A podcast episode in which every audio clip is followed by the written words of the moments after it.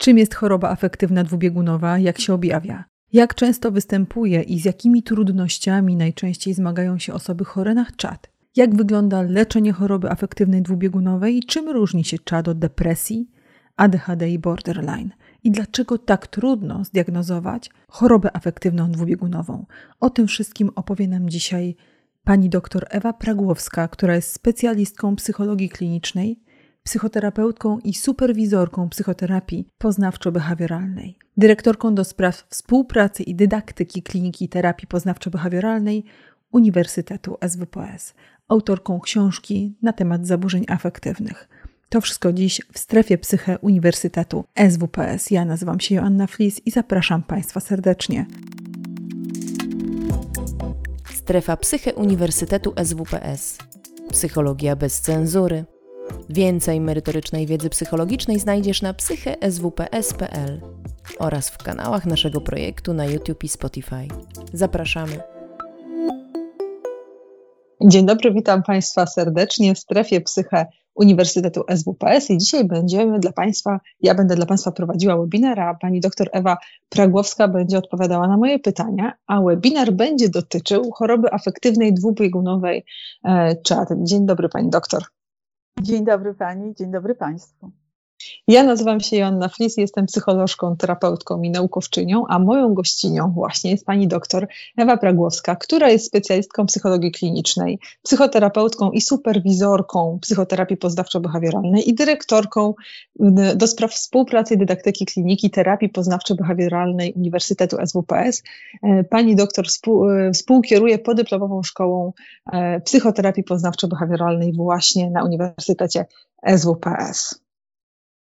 Tak. Dodam, żeby usprawiedliwić moją obecność, że również e, moje życie zawodowe ułożyło się tak, że przez wiele, wiele lat, ponad 20, pracowałam w oddziale zaburzeń afektywnych, czyli e, miałam przywilej pracować w miejscu, gdzie właśnie e, spotykałam też osoby cierpiące z powodu zaburzenia afektywnego dwubiegunowego.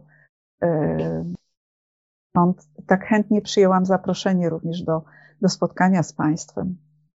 No właśnie, ma Pani ogromne doświadczenie. To może, aha, zanim zadam jeszcze pytanie, to chciałam Państwu przypomnieć, e, że możecie Państwo zadawać e, cały czas nam pytania na czacie, do którego ja mam dostęp i które ja będę przekazywała Pani doktor. To może zaczniemy od takiego miejsca, ponieważ ma Pani ogromne doświadczenie w pracy z zaburzeniami afektywnymi. Może zaczniemy od tego, żeby wytłumaczyć internautom, czym ten afekt jest w takim razie. E, tak, ten webinar dotyczy zaburzenia afektywnego dwubiegunowego i słowo afekt po staropolsku oznacza uczucia, e, powiedzmy emocje. I gdybyśmy chcieli przełożyć ten termin na język taki nawet trochę bardziej współczesny, to powiedzielibyśmy, że jest to problem, który, w którym osoba zmaga się z zaburzeniem regulacji emocji. Ta regulacja jakby wymyka się jej spod kontroli i jednocześnie doświadcza dwóch stanów emocjonalnych, które y, sprawiają wrażenie dwóch skrajnie różnych, jeśli chodzi o ich znak emocjonalny. Z jednej strony są to stany depresyjne, z drugiej strony są to stany podwyższonego afektu, nastroju, zwane w zależności od natężenia tego, tego stanu albo stanami hipomaniakalnymi, albo stanami maniakalnymi, czyli stanami, w których e, znak ten emocjonalny jest bardzo in plus, jest na plusie. Tak byśmy potocznie powiedzieli, choć oczywiście mówienie, że depresja to jest minus, a stan ten przeciwległy, biegun e, to jest plus, jest pewnym znacznym uproszczeniem, dlatego że mm, pewnie jak będziemy mieli szansę rozmawiać w czasie tego spotkania, jest to zaburzenie, które potrafi zniszczyć y, życie e, osoby, którego doświadcza. Dobra wiadomość chciałabym, żeby wybrzmiała na początku, że bardzo dużo wiemy o zaburzeniu afektywnym, o tym, jak zapobiegać mu i jak je leczyć. Mhm.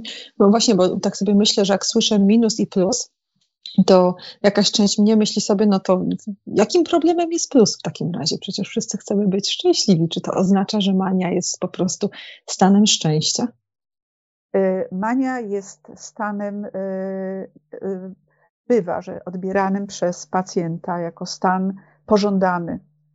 I jest to w psychologii jeden z nielicznych momentów, kiedy ja realne człowieka jest zbieżny z jego ja idealnym. Mhm. Gdzieś odchodzą wszelkie kompleksy, zahamowania, jest duże poczucie siły. I jeżeli mm, e, byśmy tylko przyjrzeli się bliżej, ten stan nie bywa radosny. Często stanowi temu towarzyszy napięcie, drażliwość, wybuchowość. Ona ma swoje źródło również w tym, jak otoczenie reaguje na ten nastrój, który nazywamy podwyższonym nastrojem, ponieważ otoczenie często stara się postawić barierę, zahamować osobę przed dalszym y, rozwojem aktywności, która tak naprawdę w konsekwencji obróci się przeciwko niej. I wtedy pojawia się ten, często też drażliwość. Ale stan manii jest doświadczany jako stan mocy. I myślę, że y, patrząc tutaj na, na panią, również nie wiem w jakim stopniu mogłybyśmy przytoczyć objawy tego stanu maniakalnego. Y, stan maniakalny oznacza się taką dużą przerzutowością uwagi. Wszystko interesuje. E, trudno utrzymać jest jednocześnie uwagę w jednym, e, w jednym miejscu. Jest wzmożona aktywność, ta aktywność psychoruchowa również, czyli ja chciałabym być w dwóch tysiącach miejsc jednocześnie, co oczywiście nie jest możliwe. E, występują zaburzenia snu. Noc jest długa, noc jest nudna, w związku z tym można w ogóle nie spać. Wpływa to też na stan łaknienia pacjenci doświadczający tego stanu, osoby e, nie odżywiają się regularnie. Cały rytm snu, czuwania, pracowania jest bardzo zakłócony. E, również ten stan oznacza się takim przyspieszeniem wszystkiego, przyspieszeniem w myśleniu, przyspieszeniem w mówieniu i często to tempo mówienia e, jest pierwszym sygnałem dla otoczenia, że być może zmienia się nastrój tej osoby właśnie w stronę hipomanii, wtedy kiedy objawy są mniej natężone, lub manii, wtedy kiedy one są natężone e, bardzo. Pojawia się mm, planowanie, ale to jest planowanie wszystkiego naraz, czyli taka działalność, aktywność, która by skupiała się na jednym i prowadziła do jej zakończenia, jest w zasadzie niemożliwa, bo jest bardzo duże y, pobudzenie. Jest wielka potrzeba bycia w relacji z innymi, kontaktów y, ze wszystkimi. Y, w związku z tym no, ciągle jest zajęty telefon, dzwonimy bez względu na to na porę dnia, nocy do innych, do innych osób. Również przy tym pobudzeniu i przy tym poczuciu takiego załatwiania spraw natychmiast, już, e, no, występuje potrzeba w kryteriach, jest, nazywa się to nietakty interpersonalne.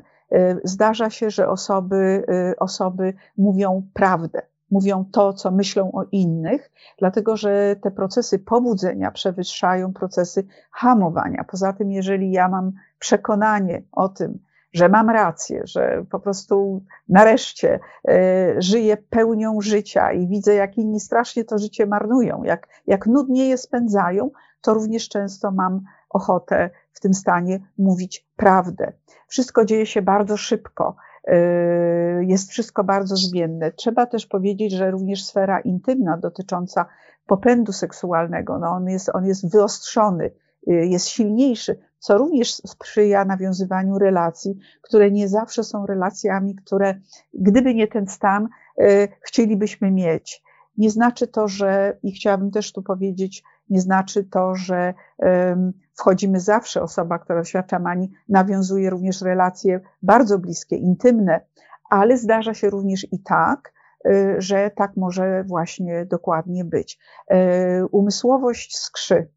I e, o ile w hipomanii kiedy te objawy nie są bardzo natężone, y, możemy jeszcze być kreatywni. Osoba może być kreatywna. Y, I jest to stan nawet pożądany, stan, na który się czeka. Y, kiedy minie depresja, to stan, kiedy depresja minęła, często jest przez pacjenta uważany jako stan nadal depresyjny, bo jest taki stabilny i myślenie jest takie zwyczajne. Natomiast w hipomanii pacjent może doprowadzać część swoich aktywności do końca.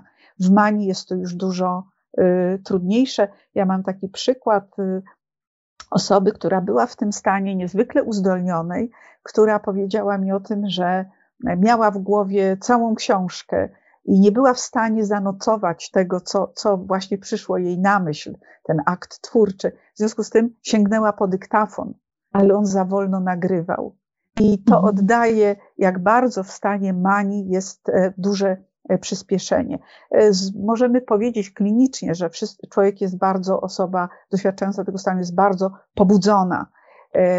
Przejawia się to w ruchu, w myśleniu, w mówieniu, i w takiej ogromnej zmienności przechodzenia od jednej aktywności do kolejnej i kolejnej. One się, y, y, jakby za osobą, która jest w stanie manii, są kolejne zaczęte aktywności, ale niedokończone. I tak jak powiedziałam, czasem temu stanowi towarzyszy drażliwość, czyli reagowanie dużą złością, y, przejawianą nie tylko werbalnie, ale również fizycznie, polegającą na niszczeniu przedmiotów, nawet na takim fizycznym naruszeniu bariery wobec drugiej osoby, wtedy, kiedy napotyka w jej przekonaniu opór. Czyli to może być bardzo trudny moment dla dzieci, partnerów, przyjaciół, współpracowników osoby, która jest w manii, nie tylko dla osoby chorującej. E, tak, to jest e, e, zaburzenie, które destabilizuje nie tylko świat osoby, która doświadcza tej zmienności nastroju, ponieważ chciałabym dodać, że mówimy o osobie, która doświadcza depresji, trwających często wiele, wiele miesięcy, stanu obniżonego nastroju i doświadcza stanu, który robi wrażenie jakby odwrotności, ale chciałabym powiedzieć Państwu, którzy nas słuchają, że to nie jest taka e, e, e, odwrotność depresji. Mania nie jest odwrotnością depresji, jest jednak innym jakościowo stanem, mimo że tonus emocjonalny, znak emocjonalny robi wrażenie innego. Czyli mamy osobę, która, której destabilizacja również y, dotyczy najbliższego kręgu. Y, oczywiście najbardziej dotknięte tym są dzieci i dramat osoby, która cierpi z powodu zaburzenia afektywnego dwubiegunowego dotyczy również dzieci. Ja w tym miejscu E, wspominam zawsze panią Myrnę Weissman, która e, robiła wiele badań dotyczących dzieci, osób, które wychowywały się w domu, gdzie jedno z rodziców miało chorobę afektywną dwubiegunową. I musimy też na to spojrzeć z tej perspektywy, że to jest mama, która e, bywa tygodniami nie, niedostępna dla dziecka, nieobecna z powodu depresji e, i dziecko podejmuje różne aktywności, żeby no, mamy przywołać do siebie od rysunków, e, zabawiania mamy. Są to zachowania, które nie, nie przynoszą efektu do momentu, w którym na przykład mama znika, bo rodzina ukrywa, że była to próba samobójcza, po czym mama się zjawia, jest czas, w którym jest dom, wraca powoli do normy, cokolwiek to słowo znaczy, żeby za chwilę dziecko widziało swoją mamę zupełnie odmienną, często y, źle nastawioną albo poprawiającą dziecko, krytykującą dziecko, wypowiadającą do dziecka słowa, których prawdopodobnie, gdyby nie ten stan, nigdy by nie wypowiedziała. I e, stąd to koło które dotyczy zaburzeń e, nastroju, zaczyna się kręcić i dotyczyć również pacjenta. Jeżeli tutaj mówimy o mamie, to mama y, zdaje sobie sprawę z tego, jaki stan się zmienia. W związku z tym pojawiają się poczucia winy, które bardziej sprzyjają depresji, które z kolei e, przy takiej konstrukcji, pewnie o tym powiemy, dlaczego tak, tak się dzieje, że są osoby, które doświadczają tych skrajnych stanów emocjonalnych, no, y, przejawia się depresją, a potem znowu stanem y, y, manii czy hipomanii. Dlatego, żeby może ten wątek domknąć, szalenie ważne jest, i to wiemy z danych i badań klinicznych, i, y, i badań randomizowanych, stabilizacja nastroju mamy, im wcześniej, tym lepiej, to jest stabilizacja nastroju dziecka, które też sobie chce jakoś z tą sytuacją radzić, ale tak naprawdę to prowadzi do jego destabilizacji. Dlatego, y, dlatego tak ważne, że jeżeli są w naszym otoczeniu osoby, które cierpią z powodu zaburzenia afektywnego dwubiegunowego, to żeby dołożyć wszelkich starań, aby, aby podjęły leczenie, podjęły terapię nie tylko dla siebie, ale dla dobrych relacji z dzieckiem i dla dziecka. Mówiła Pani o współmałżonku, partnerze, to ta, ta destabilizacja jest bardzo duża. W stanie manii zdarza się, że osoba, dotyczy to i mężczyzny, i kobiety, może no, zadeklarować już niechęć do bycia w tym związku, jako nieciekawym, poszukiwania innych wrażeń. To chciałabym powiedzieć, że jest to stan, w którym trudno jest rozpoznać osobie, która doświadcza manię, że podejmuje fatalną decyzję, mówiąc mm. i chcąc opuścić, deklarując, że to już jest koniec, wyprowadzam się. Uważam, że, że nie, to nie jest to, czego ja y, pragnę.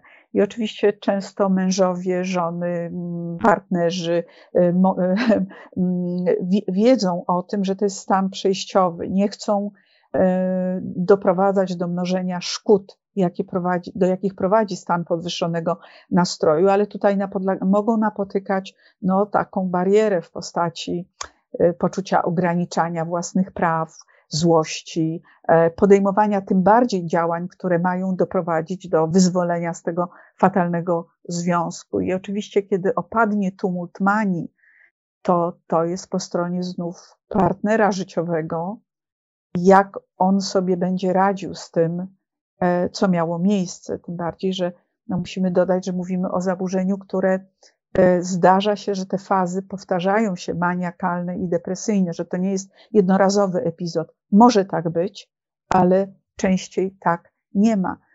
I mówiąc o współpracowniku, też jest to sytuacja, w której osoba, czując tą moc i skrzący intelekt, i jest wolna od kompleksów, E, jak mówiłam, ja realne, ja idealne jest tutaj pełnej zgodzie, nie ma żadnego dysonansu, no mówi szefowi nie tylko co o nim myśli, czy szefowej, ale również e, mówi o tym, co mówili współpracownicy o nim. E, nie ma zawsze to formy łatwej dla osoby, która to słyszy, nie ma to formy akceptowalnej. I znów dodam, Y, żeby Państwo, którzy nas słuchali, wiedzieli, znaczy jakby ja staram się pokazać takie bardzo dramatyczne strony. Oczywiście to jest w różnych natężeniu odcieniu, ale mogą pojawiać, nie muszą, wulgaryzmy na przykład. I mm, kiedy znów opadnie stan y, i osoba wraca, i nawet jeżeli powie o tym, że było to y, poza jej wolą ten stan, że podjęła leczenie, że ma nadzieję, że tak nie będzie już i że bardzo przeprasza, to chciałabym, żeby teraz każdy z Państwa pomyślał o tym, co by sobie pomyślał. Czy z mhm. równą otwartością podjąłby y, dalej relacje w pracy, w małżeństwie, również w przyjaźni. Myślę, że te przyjaźnie są taką często ostatnią deską ratunku. Przy, przyjaciel ma trochę większe pole często do, z jednej strony odizolowania się, od czasem destrukcyjnych działań, e, z drugiej strony e, czasem z powodu tego troszkę większego dystansu niż kiedyś jest na przykład dorosłym dzieckiem mamy, która ma zaburzenia afektywne dwubiegunowe, partnerem, czy pracownikiem, czy współpracownikiem, przyjaciel ma pewien dystans do tego i szybciej widzi zmiany i szybciej reaguje. Mhm. Rozumiem. To w takim razie, bo tak nasuwa mi się y, taka myśl, że tych objawów jest bardzo dużo i one są, takie, jest, ta zmienność też jest ogromna, konsekwencje są y, nierzadko potężne, ale pewnie trudno rozróżnić ADHD, y, osobowość współgranicza i zaburzenie afektywne dwubiegunowe. Myślę sobie, że nawet wytrawny klinicysta tutaj może mieć kłopot z rozpoznaniem, czy mamy rzeczywiście do czynienia z zaburzeniami afektywnymi dwubiegunowymi, a przecież to jest tak strasznie ważne, bo od tego zależy paradygmat leczenia. Tak, powiedziała Pani jedną z najważniejszych rzeczy.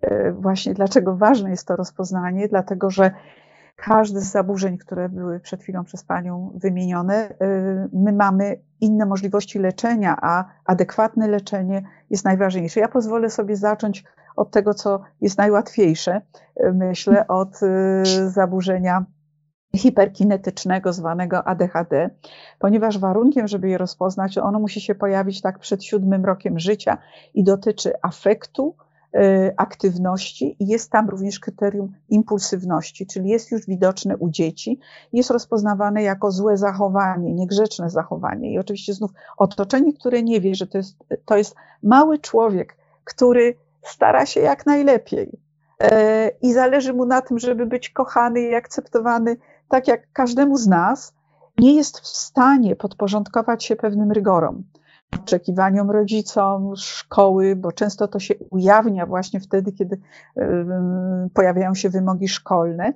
Czyli jest to zaburzenie, które, gdybyśmy popatrzyli na stan manii, ono przejawia się trudnością w skupieniu uwagi i dużym pobudzeniem ruchowym, ale ono występuje ciąg, jakby pojawia się bardzo wcześnie i e, występuje przewlekle, każdego dnia. Nie ma tutaj tej cykliczności lub przerw w zachowaniu, które e, znikają objawy, tak mogłabym mhm. powiedzieć w skrócie.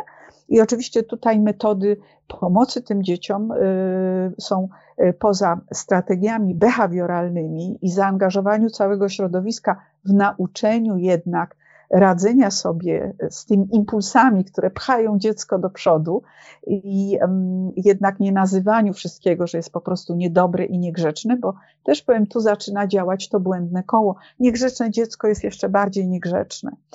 Y, czyli to by był ten zespół nadpobudliwości, a, impulsywność oczywiście dotyczy wyrażania emocji, niszczenia zabawek, y, czasem uderzania również y, jakby siebie samego, czyli zwracania tej aktywności przeciwko sobie, Natomiast to jest podstawowe, że dotyczy, szybko się ujawnia w wieku, w wieku wczesnym i oczywiście mamy całą gamę emocji też w tym zespole. Od radości całkiem adekwatnej, poprzez smutek również całkiem adekwatny, kiedy nie wychodzi mi w szkole i jest kolejna dwuja, albo dzieci nie chcą się ze mną bawić, nie rozumiejąc, że że u mnie musi być 100 aktywności naraz, a jak nie, to zniszczę ten samochód ulubiony sąsiada małego. Czyli to, to by był ten zespół. I oczywiście problemem są y, dorosłe osoby, które zmagają się z tym zespołem. Wiemy coraz więcej i z dorosłą osobą możemy coraz bardziej wytrenować pewne sposoby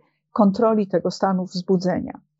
Y, następnym zaburzeniem, które rzeczywiście, jak pani tutaj słusznie zauważyła, to jest zaburzenie osobowości z pogranicza. W polskim języku również funkcjonuje jako borderline. I tu bardzo łatwo się pomylić. Zależy to od momentu, w jakim widzimy pacjenta.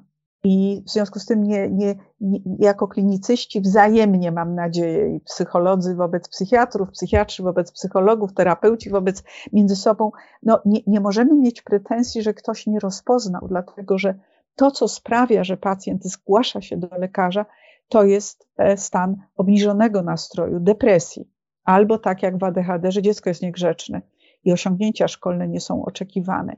Czyli, mm, czyli y, można uznać, że mm, przyszła do nas osoba, która cierpi z powodu epizodu depresyjnego, ale na pytanie, czy zdarza się, że się czuje dobrze lub bardzo dobrze, ona odpowie, że tak i może uzyskać takie rozpoznanie zaburzenia afektywnego dwubiegunowego. Więc jest pytanie, czym się różni to zaburzenie od mhm. zaburzenia afektywnego dwubiegunowego. Ja zacznę od takiego pytania i chciałabym również prosić Państwa, że to są takie sposoby kliniczne, ale one muszą być jeszcze zweryfikowane zawsze przy pomocy rozmowy z pacjentem. Jednym, jeżeli popatrzymy na kryteria rozpoznawania, i dodam, że kryteria są bardzo teraz krytykowane, to są mhm. umowne, to jest wszystko dosyć umowne, ale bardzo nam pomaga porządkować porządkować troszeczkę to, z czym pacjent przyszedł. Nie mamy lepszych sposobów. Najlepszym jest oczywiście dalsza rozmowa z pacjentem i sprawdzenie tych kryteriów. To jest to, że w osobowości z pogranicza to ten problem zaczyna się pojawiać dosyć wcześnie. Często poczucie nieprzystawalności do świata pojawia się u kogoś, kto ma 14-15 lat. Pe pewnymi pierwszymi zachowaniami, które manifestują się Y, jako sposób regulacji emocji są samouszkodzenia. Często też przez długi okres niewidoczne dla otoczenia, bo samouszkodzenia dotyczą części ciała, które są zasłonięte przed otoczeniem i są niewidoczne. Y, przeguby rąk nie, nie zawsze są tym miejscem. Często są, ale nie zawsze.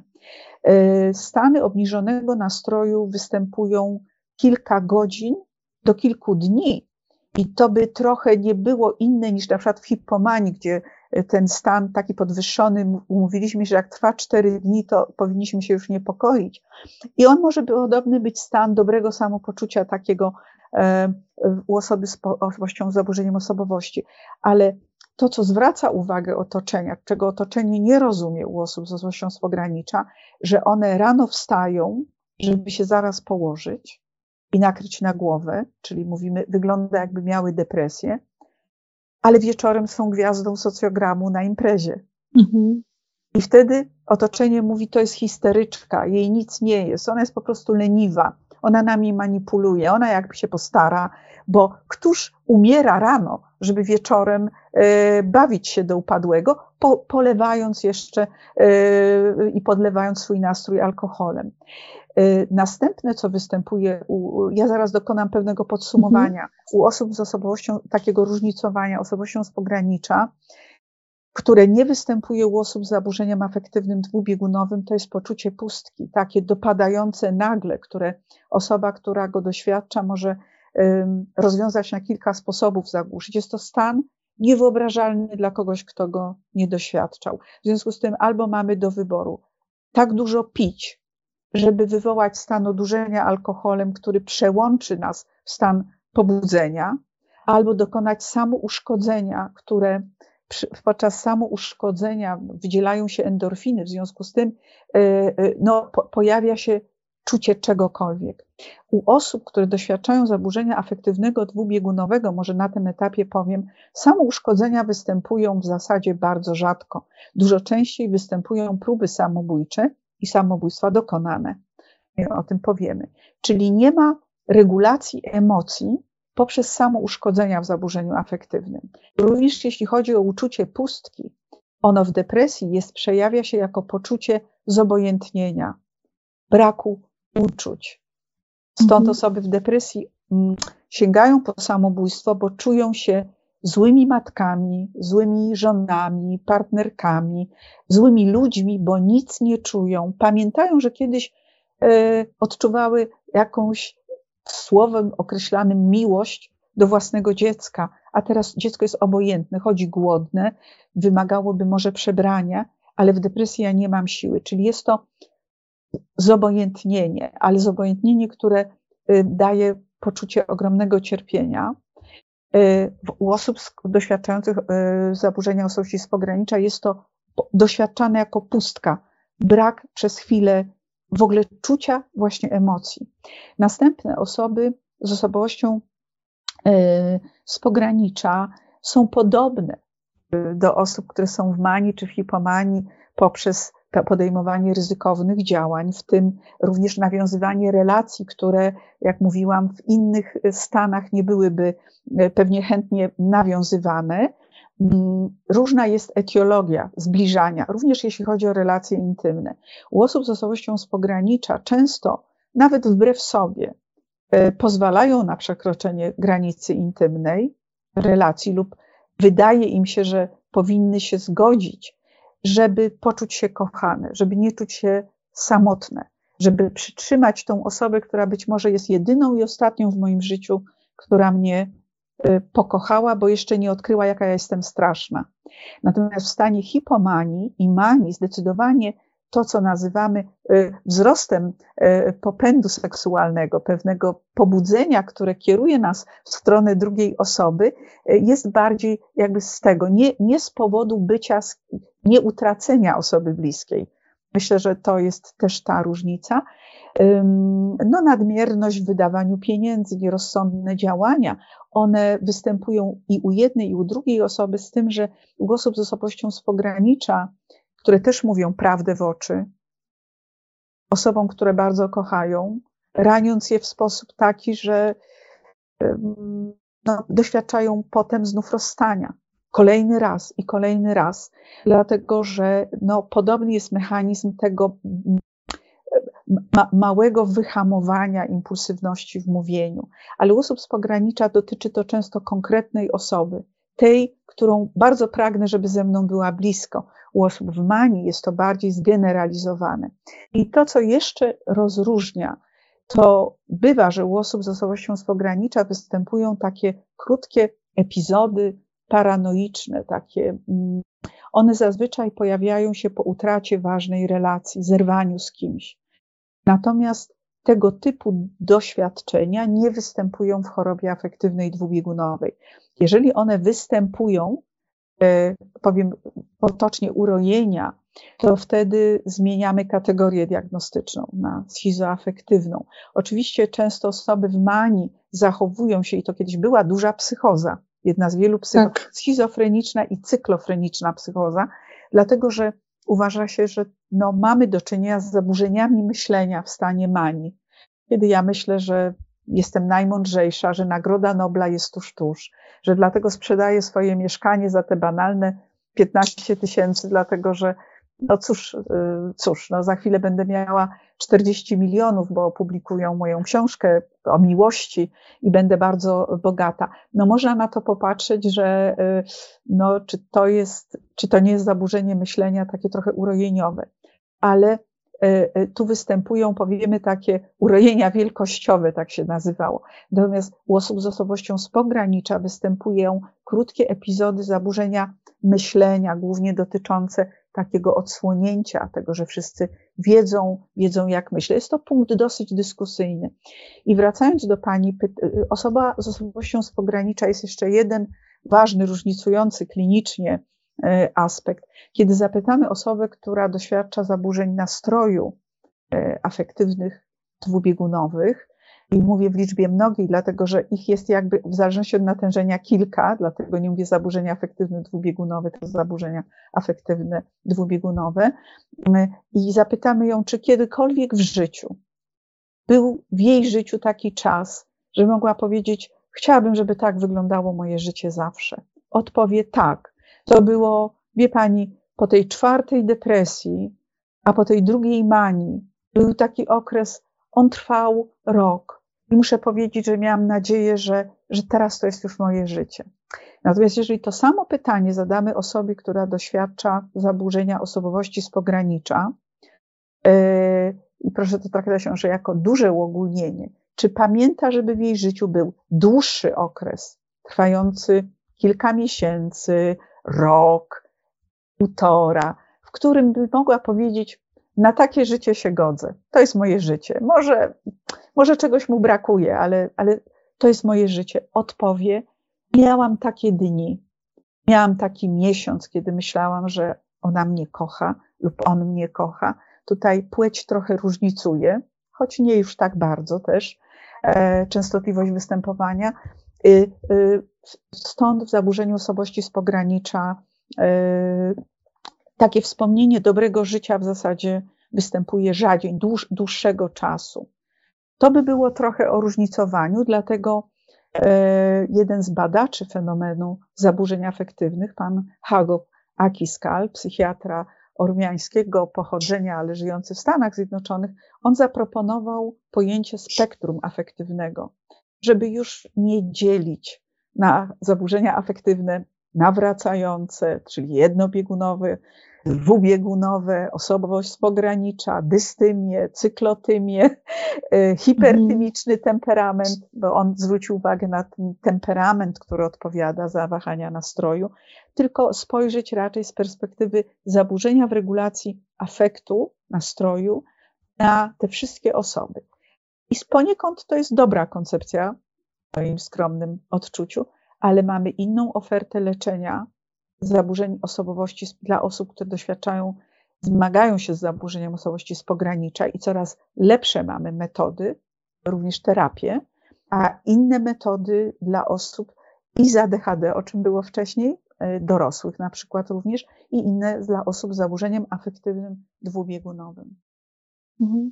To może w takim razie, jak już tak mamy jakiś taki obraz różnicujący, choć to jest rzeczywiście bardzo skomplikowane, to może porozmawiajmy o tym, kto może postawić taką diagnozę, bo już widzę, że Państwo pytacie na e, czacie o leczenie, o LID, o to, czy można z niego zejść, czy nie. Ja to wszystko czytam i widzę, ale może zacznijmy jeszcze od tego, kto tą diagnozę rzeczywiście e, może postawić i, i który specjalista zajmuje się tym różnicowaniem. Tak, jesteśmy w Polsce, gdzie regulacja zawodu, i nie chcę być nudna, ale wykorzystam ten moment, regulacja zawodu zarówno psychoterapeuty, jak i regulacja zawodu psychologa no nie, nie, nie są dosyć aktywne i to myślę wpływa też na sposób kształcenia. Yy, istnieje taki podział, że tą diagnozę może postawić tylko lekarz psychiatra. Ja bym tu pozwoliła sobie dyskutować z tym. Chciałabym powiedzieć, że dobrze nauczony, i tak jest w innych krajach, psycholog kliniczny, czy powiem e, psychoterapeuta, ja chciałabym dodać poznawczo-behawioralny, systemowy, który jest zobowiązany do diagnozy również nozologicznej, e, ma prawo taką diagnozę postawić. I dobrze by było, żeby postawił, ponieważ dotykamy kolejnego problemu. O ile ADHD ujawnia się wcześniej, razem z obowiązkiem szkolnym i niespełniania oczekiwań, bo na tym się wszyscy koncentrują, że powinny być same piątki i prosiłabym, żeby Państwo w to nie wierzyli, że muszą być same piątki.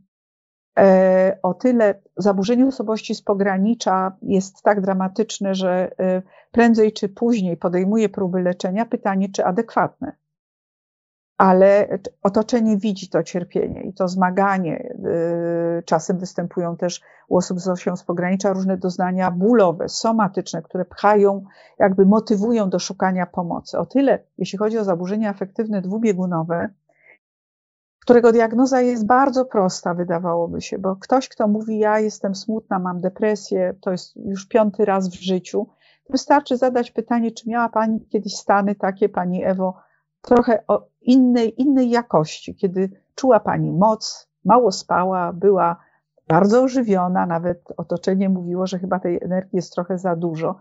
I moja odpowiedź tak, oznacza, że jesteśmy już, można powiedzieć, e, bardzo blisko trafnego rozpoznania.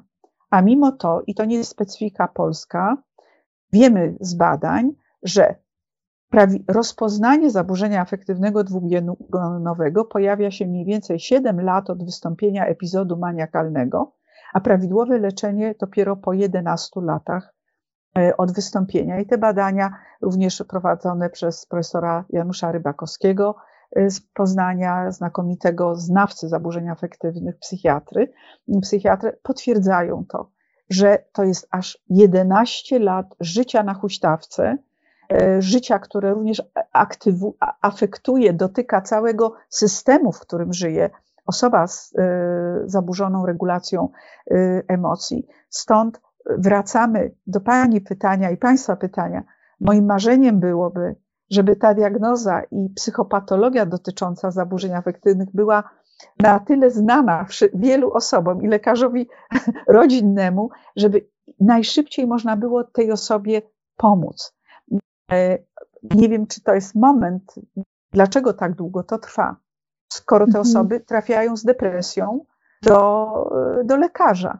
I, I, e, no przecież lekarz pyta, czy psycholog też może zapytać o ten stan odmienny. To jest w zasadzie w pakiecie, jeśli przychodzi do nas pacjent z depresją, żebyśmy zapytali o ten inny stan, taktownie, delikatnie, bo są pacjenci i osoby, dla których przyznanie się do manii jest rzeczą bardzo wstydliwą, bo skutki tego stanu trwają. Również wskaźnik rozwodów w tej grupie, chcę powiedzieć, jest około, jest bardzo wysoki. To są stare badania, na które ja się powołuję e, i sięgały w tej grupie 60%, w odróżnieniu do 5% tam, gdzie było zaburzenie E, amerykańskie zaburzenia afektywne jednobiegunowe z depresją. Czyli jest to stan wstydliwy, więc na pytanie, czy miewa Pani, Pani Ewo inne stany, odpowiedź jest nie, nigdy nie miałam. E, punkt drugi, e, często one są rozdzielone taką przerwą czasową, że pacjent nie łączy tych objawów, że to dotyczy tego samego zaburzenia. Powiem, że to jest tak, jak trafiamy do onkologa i okazuje się, że mamy y, chorobę onkologiczną z przerzutami, ale w ogóle nie zwróciliśmy uwagi, że mamy jakiś, mieliśmy jakiś mały guzek gdzieś. W ogóle nie pomyśleliśmy, że to może być zwiastun czegoś zagrażającego naszemu życiu. Czyli pacjenta pytamy o inny stan, tu jest, trzeba umiejętnie pytać, jest zaprzeczenie. Kolejny powód, że mówiąc o tym wskaźniku rozwodów, chciałabym powiedzieć inaczej, że życie z osobą, która doświadcza zaburzenia afektywnego dwubiegunowego jest bardzo trudne i często zmieniają się osoby, które są z nią na co dzień. Czyli nie ma nikogo, kto by zobaczył na przestrzeni życia tą zmienność, której sam pacjent nie widzi. I e, zdarza się tak, że do, na przykład para poznaje się wtedy, kiedy jedno z nich ma hipomanię. Świat mhm. jest piękny, e, miłość kwitnie, jest barwna, kolorowa, mm, no niespodziewana, nie, taka niespotykana, bardziej niż w filmie i książce. No i są razem i pojawia się depresja, e, ona jest leczona i pojawia się stan eutymii, czyli remisji. Nie ma objawów. To jest to, co szczęśliwie doświadcza pacjent tych przerw, a leczenie no, służy temu, zaraz o tym powiemy, żeby w ogóle doprowadzić do wygaszenia tego, tych stanów. I byłam świadkiem takich sytuacji, że kiedy do domu była wypisywana pan czy pani, partner, to padało, ale, ale on ma depresję. Ja go znam. Ja go znam. To nie jest on. Mhm. Stąd nie ma stan hipomanii był uważany za stan właśnie normy. I rzeczywiście sami pacjenci e, w depresji, czy w, w stanie przede wszystkim, kiedy nie mają objawów, tęsknią za tym stanem pobudzenia, kiedy to poczucie mocy i siły własnej i kreatywności, e, mówię o hipomanii, jest duże. W manii jest więcej destrukcji. Tu już jest trudno e, panować nad tym. Więc mhm. I wracając do pytania o leczenie, oczywiście mm, i diagnozę, tak jak powiedziałam, ja chciałabym, żeby każdy psycholog był wykształcony tak, żeby umiał postawić tą diagnozę i e, nie musi to być psychiatra. Natomiast to w gestii psychiatry leży leczenie. Nie wiem, czy to jest ten moment, żeby leczeniu powiedzieć słowo. To już tu. Może w takim razie przejdźmy do tego, jak wygląda to leczenie. E, z czym ono się wiąże, czy farmakoterapia to jest wystarczające leczenie, bo tutaj widzę, e, Państwo się zastanawiacie nad tym w takim razie, czy w ogóle ten lit należy brać, czy on nie jest bezpieczny, co, co on z nami robi, czy można z niego zejść, czy, czy sama psychoterapia wystarczy. I może w kilku zdaniach mogłaby Pani doktor nam odpowiedzieć na to pytanie. Tak, na te pytania. Nie, tak, pytania są bardzo ważne i yy, nie z asekuranstwa, ale z yy, takiej no, uczciwości klinicznej chcę powiedzieć, że ja nie udzielę y, odpowiedzi takiej generalnej na to pytanie.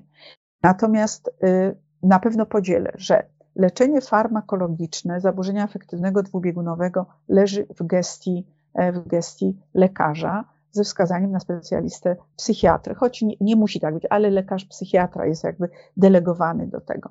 I y, inaczej trochę postępujemy w depresji, kiedy Państwo zapytają, czy depresja, która jest w przebiegu zaburzenia afektywnego jednobiegunowego, czyli tam, gdzie depresja przeplata się, e, są okresy remisji, mam nadzieję, że jak najdłuższe, wieloletnie i kolejna depresja, ona jest leczona, zacznę od tego, i w zaburzeniu afektywnym dwubiegunowego jakby one się psychologicznie nie różnią. E, I to jest następny problem diagnostyczny, że jeżeli mamy pacjenta z depresją, to nam trudno jest powiedzieć, czy on rozwinie manię, one się jakby są bardzo podobne. Niemniej, tam, gdzie mamy nawrotowość tylko depresji, nie ma dowodów na manię, no leczymy lekami przeciwdepresyjnymi. Jeżeli to jest depresja umiarkowana, w zaleceniu jest również, można spróbować depresji, przepraszam, terapii poznawczo-behawioralnej z najpierw naciskiem na strategie behawioralne, które zwiększają aktywność, a co za tym idzie aktywację. E, I e, można spróbować, w zależności od natężenia, mówię na razie depresji, przebiegu zaburzenia afektywnego jednobiegunowego, psychoterapii. I całej higieny i psychoedukacji, jak nie doprowadzać do tego stanu depresyjnego. I ma, wiemy, że też te metody są skuteczne lub połączone. W zaburzeniu afektywnym dwubiegunowym, kiedy już wiemy, że to jest to zaburzenie, to stan manii leczymy trochę inaczej, oczywiście, niż stan depresyjny, ale potem taką metodą z wyboru są leki normotymiczne, mówi się, czy nazwiemy je stabilizujące nastrój. I to prawda, że takim wynalazkiem kiedyś ważnym farmakologicznym był lit. Substancja występująca w stanie wolnym i były takie obserwacje. I wyszła książka pana profesora Rybakowskiego o licie, więc kto ma ochotę, proszę sięgnąć po tą ciekawą bardzo e, pozycję.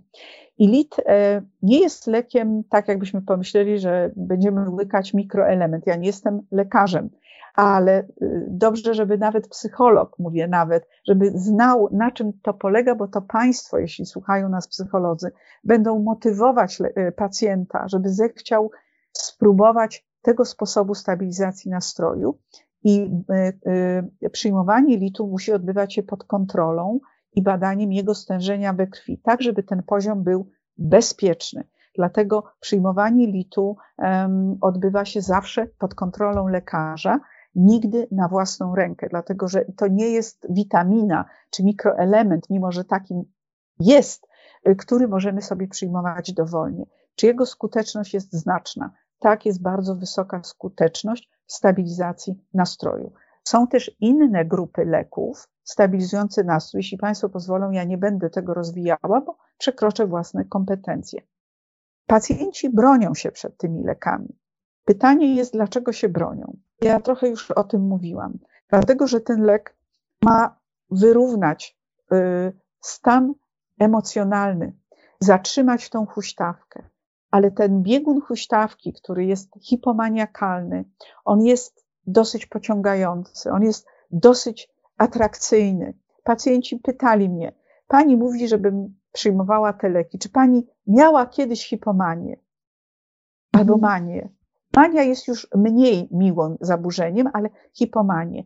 W świetle e, mojego własnego doświadczenia, choć mogę być niekrytyczna, bo brak krytycyzmu jest elementem w manii, że to jest trochę więcej niż dobry nastrój, ale pacjent nie ma do tego dystansu. Mówiłam, że nie. I dlatego pani mnie namawia, żebym przyjmował coś, co pacjenci mówią mnie spłaszczy. Ale jest pewien argument. E, co to znaczy spłaszczy? I jaką cenę ja płacę za to, żeby odczuwać silne emocje? I czy te silne emocje e, w rezultacie i konsekwencji dają mi dobre życie i to, co mówiliśmy sobie też, rozmawialiśmy na początku, co się dzieje z moim otoczeniem. Czy ja mhm. będę miała świetny nastrój, zakładam hipomaniakalny, ale nikogo wokół mnie już nie będzie. Też I... jest pewnie duże prawdopodobieństwo, że im dłużej tę, tą hipomanię utrzymujemy, że tak powiem, przy życiu, tym jest większe prawdopodobieństwo, że epizod depresji będzie równie długi. Tak, do, dokładnie. Jakby koszty, które zapłacimy za, za życie, które umyka nam, będą bardzo duże. I e, jest jeszcze kontrargument. E, polega on na tym, że większość z nas nie doświadcza tego, ja używam tego słowa dramatycznego zaburzenia nastroju, bo to jest dramatyczne zaburzenie nastroju. To jest e, radość, która jest wielkim dramatem. Być może to jest oksymoron, że radość, która jest wielkim smutkiem, dlatego że ona, jak jeden pacjenci mówią, to bardzo drogo kosztuje. E, większość z nas szczęśliwie nie doświadcza takich zmian, a mimo to jest wielu z nas, którzy mówią, mimo dobrych, złych momentów, albo takich bardzo złych, smutnych, mam dobre życie, mam kontakt y, y, z tym y, życiem. Ja nie będę cytowała piosenki zespołu Dżem, jeśli Państwo jeszcze słuchają, bez znieczulenia, ale czasem smak życia poznaje się właśnie wtedy, kiedy mamy z nim kontakt, nawet jeżeli płacimy jakąś cenę. I nie chciałabym być tu wchodzić w poetyckość, tylko powiedzieć, że emocje są po coś i wszyscy jesteśmy w nie wyposażeni. I e, wyposażeni jesteśmy w umiejętność regulacji tych emocji, E, I życie bez emocji byłoby nie tylko nieciekawe, ale, ale byłoby niebezpieczne. E, nie, że powołuje się na siebie samą, bo to już byłoby narcystyczne, ale taki jest webinar Lęk, życiodajna emocja. I teraz życie z jedną ekstremalną emocją nie może być dobrym życiem. Taki bym miała kontrargument. Jak również chciałam zachęcić osoby do przeczytania książki pana Piotra Budzkiego i pana psychiatry, terapeuty poznawczo-behawioralnego, również pana Wojciecha Pęczka, Złap równowagę.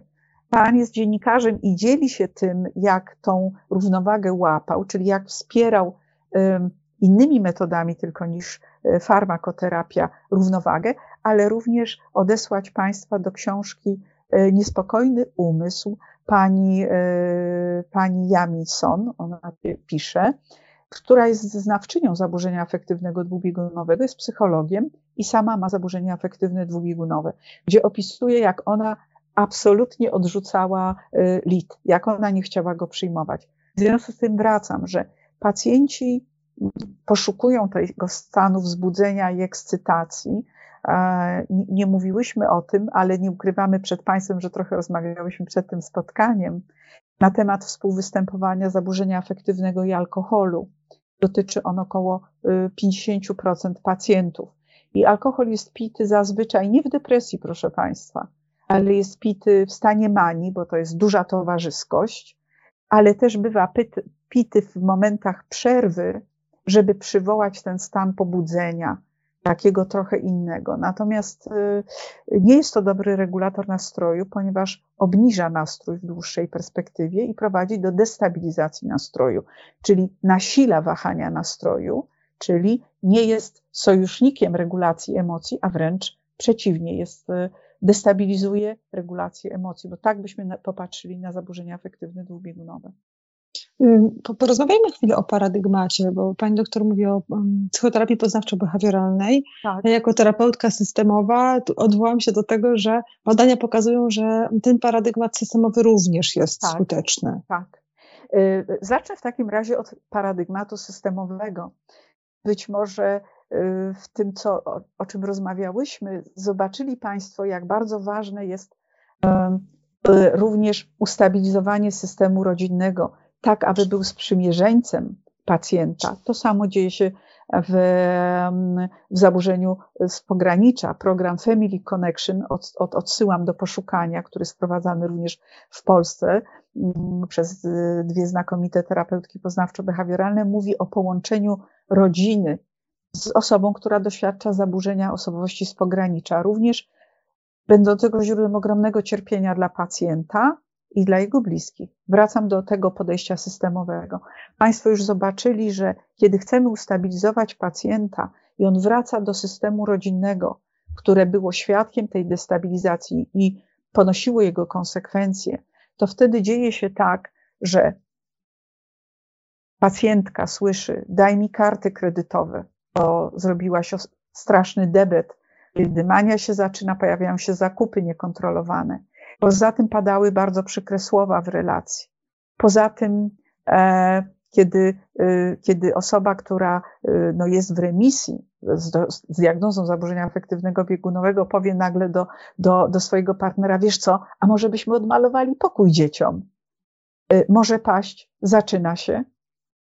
I e, Państwo znów chciałabym, żeby zobaczyli, że zaczyna się kręcić koło, bo to nie chodzi o to, żeby pacjent żył inaczej niż żyją inni ludzie, żeby żył zwyczajnie i pewno nawet pojawią się nieporozumienia w rodzinie i być może nie będzie zgodności co do tego, czy ten pokój odnawiamy, ale y, usłyszenie na przykład, wiesz, a może dziś byśmy gdzieś poszli na jakąś wyprawę po Warszawie czy po innym mieście, brałaś leki? Jest wszystkim, co powoduje, e, że nie służy to nie tylko budowaniu relacji, ale przede wszystkim stabilizacji emocjonalnej, bo wystarczy, żeby Państwo, którzy nie mają zaburzenia afektywnego dwubiegunowego, wyobrazili sobie, że nie mają dostępu do własnego konta, że każda y, przejaw każdy, no, trochę większej radości jest kwitowany we śleki, albo czy ty jesteś normalna, albo zaczyna się. My możemy zrozumieć rodzinę, system rodzinny, który reaguje już nadmiarowo, na, na, na sygnały zagrożenia, ale terapia systemowa jest niezwykle ważna i jest niezwykle ważna e, również tam, gdzie są dzieci, bo również dzieci e, nie, nie zawsze wiedzą, co się dzieje z mamą, z tatą, e, dlaczego nie ma, dlaczego, dlaczego rodzina szepcze, bo pojawiają się tajemnice rodzinne, jakim jest na przykład samobójstwo y, szczęśliwie nieudane albo kolejna próba samobójcza i dziecko słyszy, że mama wyjechała na wakacje. Ta sama mama, która leżała w depresji, nie, dzieci myślą, że są niekochane. Jednym słowem systemowe. Natomiast podejście poznawczo-behawioralne proponuje przede wszystkim podejmowane jest w stanie, kiedy nie ma objawów manii i bo o, o, mówimy o zaburzeniu afektywnym dwubiegunowym. I mamy takie dwa programy. Jeden to jest przez panią Monikę Basko Ramirez, po polsku szczęśliwie są te podręczniki dla terapeuty i pacjenta, gdzie duży nacisk kładzie się na, na temat psychoedukacji dotyczący destabilizatorów y, nastroju. Jak ważna jest praca zmianowa, jest na przykład przeciwwskazaniem przy, przy zaburzeniu afektywnym dwubiegunowym. Y, jak, jak radzić sobie z y, no, regulacją afektu, również o miejscu leków i nie jest prawdą, że one zmieniają osobowość, mimo że troszeczkę o tym mówiłam wcześniej chciałabym się powtarzać, że pomagają e, e, mieć życie takie, jak każdy z nas by chciał mieć, e, a nie tylko oscylujący między niepewnością depresji a stanu mm, pobudzenia. Również w tej terapii kładzie się nacisk na wyłapywanie objawów, to takie słowo użyję, prodromalnych, czyli zwiastunów E, zwiastunów naciągającej e, manii, hipomanii. Wtedy, kiedy, kiedy mamy jeszcze odrobinę takiego krytycyzmu, że zaczynam robić rzeczy, które, e, które zaczynają być trochę nie, inne niż te, które robię zazwyczaj, i żebym również wiedziała, że kiedy pojawia się to, żeby był ktoś w moim otoczeniu, stąd też patrzę w stronę systemowej terapii, czy tej terapii, kto powie, Ewa, to, to jest chyba moment, żebyśmy poszły E, do, do Twojego lekarza czy do psychoterapeuty. Być może to jest nic, ale, ale lepiej chuchać na, e, na zimne, jak mówimy. Czyli tutaj jest duży nacisk na to i monitorowanie własnego nastroju, aby zarówno nie było depresji, jak również manii. I jeszcze jeden program taki wymyślony przez pana Koloma e, i pana Wietę, psychologa i psychiatrę hiszpańskich. Oni by powiedzieli katalońskich. To tego się muszę trzymać, y, który, który mm, prowadzi tą edukację w grupach. To jest trochę tak jak w uzależnieniu od alkoholu, gdzie, gdzie ktoś, kto w grupie osób, które przeszły uzależnienie, mówi: Słuchajcie, śniła mi się oszoroniona szklanka z taką zimną butelką wódki z lodówki. E, no, mm, trochę wiedzą, jak to odczytywać. Podobnie tutaj, w tym grupowym spotkaniu, łatwiej jest zauważyć pewne zwiastuny zmiany nastroju i również wszystko wskazuje na to, że łatwiej jest usłyszeć od kogoś, kto ma to doświadczenie, Ewa, troszeczkę za dużo mówisz, e, za głośno, za wesoło, e, warto skontrolować, nie wiem, poziom litu, albo, albo ty spałaś w ogóle, y, czy, czy to jest kolejna zarwana noc, bo destabilizacja rytmu snu i czuwania jest istotna, a aż mnie tak kusi, bo nie wiem, nie mam, nie obserwuję czatu, nie wiem, kto słucha tej naszej rozmowy, że chciałabym bardzo powiedzieć, że w etiologii tej y, tego stanu, no bo to są pytania, skąd się to bierze, geny, y, oczywiście pewna predyspozycja genetyczna ma tu miejsce, ale coraz bardziej rozumiana też jako to, co w psychologii nazywamy temperamentem. Należy to do psychologii mhm. różnic indywidualnych. I te osoby są obdarzone y, dużą reaktywnością emocjonalną, E, podobnie jak osoby z osobowością z pogranicza. E, e, I to nie jest złe ani dobre. To daje większą często empatię, większą kreatywność. Więcej osób z zaburzeniem afektywnym dwubiegunowym jest wśród pisarzy, architektów, artystów, muzyków i żyjących, i nieżyjących, ale, ale twórców. Ta, to, to, to też chciałabym, żeby mhm. Państwo usłyszeli, ale że etiologia tej depresji mówi o, y, że, że czynnikiem wyzwalającym są zawsze pierwszego epizodu, zazwyczaj depresyjnego, sytuacje o charakterze stresu. Nie użyję słowa traumy, ale to też tak może być, które y, uruchamiają tą huśtawkę, czyli trudność w, w regulacji emocji, złapania tego y, balansu. I e, wiemy coraz więcej o tym, jak to uczynić, zarówno metodami farmakologicznymi, jak i e, metodami psychoterapeutycznymi, tak żeby ustabilizować życie. To w takim razie już zbliżamy się do końca naszego dzisiejszego spotkania, ale jeszcze chciałabym, żeby pani doktor opowiedziała coś o literaturze i o tym, jakie książki pani doktor poleca i jako autorka, i jako czytelniczka. E, ja, ja na pewno bym, jak, jak powiedziałam, nie wiem, czy oglądają nas y, profesjonaliści, czy osoby zainteresowane. Bardzo bym poleciła, ja nawet mam tutaj, to pozwolę sobie, e, Niespokojny umysł, Kay Redcliffe Jamison. E, jeżeli Państwo nie wiedzą, jak to jest z tą manią, to, to ona to opisuje w sposób do bólu prawdziwy. Właśnie po to, żeby powiedzieć tak, ja się zmagałam z tym stanem, nie chciałam brać leków, Jestem ekspertem od zaburzeń afektywnych z panem Goodwinem, bo oni stworzyli taką y, Biblię. Chciałabym powiedzieć dla profesjonalistów książkę, która, która jest książką pana profesora Janusza Rybakowskiego, trzecie wydanie, oblicza choroby maniakalno-depresyjnej. To, to bym też chciała polecić.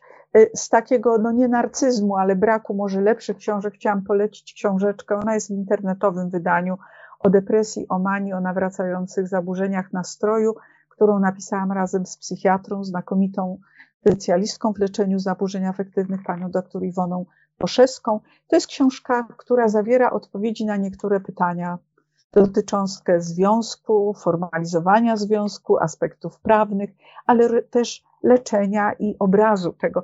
Ma, ma takie historie z życia. Myślę, że one czasem pozwalają zobaczyć u swojego bliskiego, yy, że, że, że może to nie jest tylko charakter. I może to nie jest mhm. uzależnienie od alkoholu, bo o tym umówiłyśmy się, że też powiemy, ale to alkohol przykrywa zaburzenia nastroju. Zaczęło się od, od zaburzeń nastroju, ale alkohol je przykrył.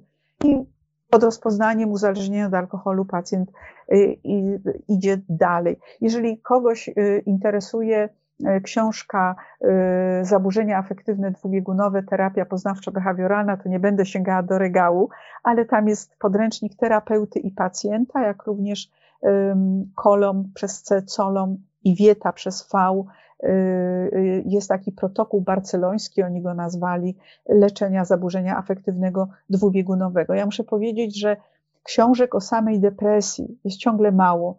Jak idziemy do księgarni, to o depresji jest od lewej do prawej na półce. Ale znaleźć opis książki, e, czym jest mania, jest trudno. Ja powiem, że, że chyba rozumiem dlaczego. Dlatego, że trudno jest mówić o manii, przedstawiać jej obraz tak, żeby e, nie uchybić osobom, które doświadczają tego stanu i jednocześnie nie wywołać lęku w osobach, które, w których otoczeniu jest taka osoba. E, dlatego pewnie inaczej by to nasze spotkanie też wyglądało, gdyby było nie online, ale bardzo trudno jest opisać tak, żeby nikogo nie urazić i nie dotknąć, a chodzi tylko o to, żeby raczej powiem przedstawić dramatyzm tej, e, tej choroby. I też chciałam polecić książkę Williama Styrona, jeżeli ktoś pamięta film Wybór Zofii. On zmagał się z zaburzeniem afektywnym dwubiegunowym, zresztą odebrał sobie życie. Dotyk ciemności, kronika obłędu. E, e, William Styron. On opisuje chorobę afektywną dwubiegunową własną, podobnie jak pani Jamison. I myślę, że jeżeli Państwa interesuje opis, jak to wygląda, nie tylko na YouTube filmów czy opowieści, to, to zachęcam do sięgnięcia po tą książkę. Dziękuję serdecznie i za polecenie literatury, i za wyczerpujący y, wykład i masę przykładów i tak naprawdę wielu klinicznych wskazówek. Moją gościnią była pani doktor Ewa Pragłowska, która jest specjalistką psychologii klinicznej, psychoterapeutką i superwizorką. Dziękuję też Państwu za Państwa aktywność na czacie e, i masę bardzo ciekawych, e, dających, poddających refleksji pytań. Dziękuję serdecznie. Życzę Państwu udanego wieczoru. Ja również pozwolę sobie podziękować. Dziękuję, że Państwo są, choć nie wiem, czy są też osoby, które doświadczają zaburzeń nastroju. Chciałabym powiedzieć, że proszę nie tracić nadziei na dobre życie, a jeżeli są również osoby, które czują, że mają kogoś w otoczeniu, to dziękuję, że są. Warto, warto być tym, który no, pomaga, pomaga dotrzeć do, do miejsca, gdzie można uzyskać pomoc. A jeśli są profesjonaliści, to, to tym bardziej się cieszę, bo im szybciej rozpoznamy zaburzenia afektywne dwubiegunowe, tym, tym rzeczywiście mamy szansę zapewnić lepsze życie nie tylko osobie, która się zmaga z tym zaburzeniem, ale jej otoczeniu. Bardzo serdecznie dziękuję, że poświęcili Państwo czas na to spotkanie. I Pani również dziękuję, dziękuję za rozmowę. Bardzo dziękuję. Dziękuję.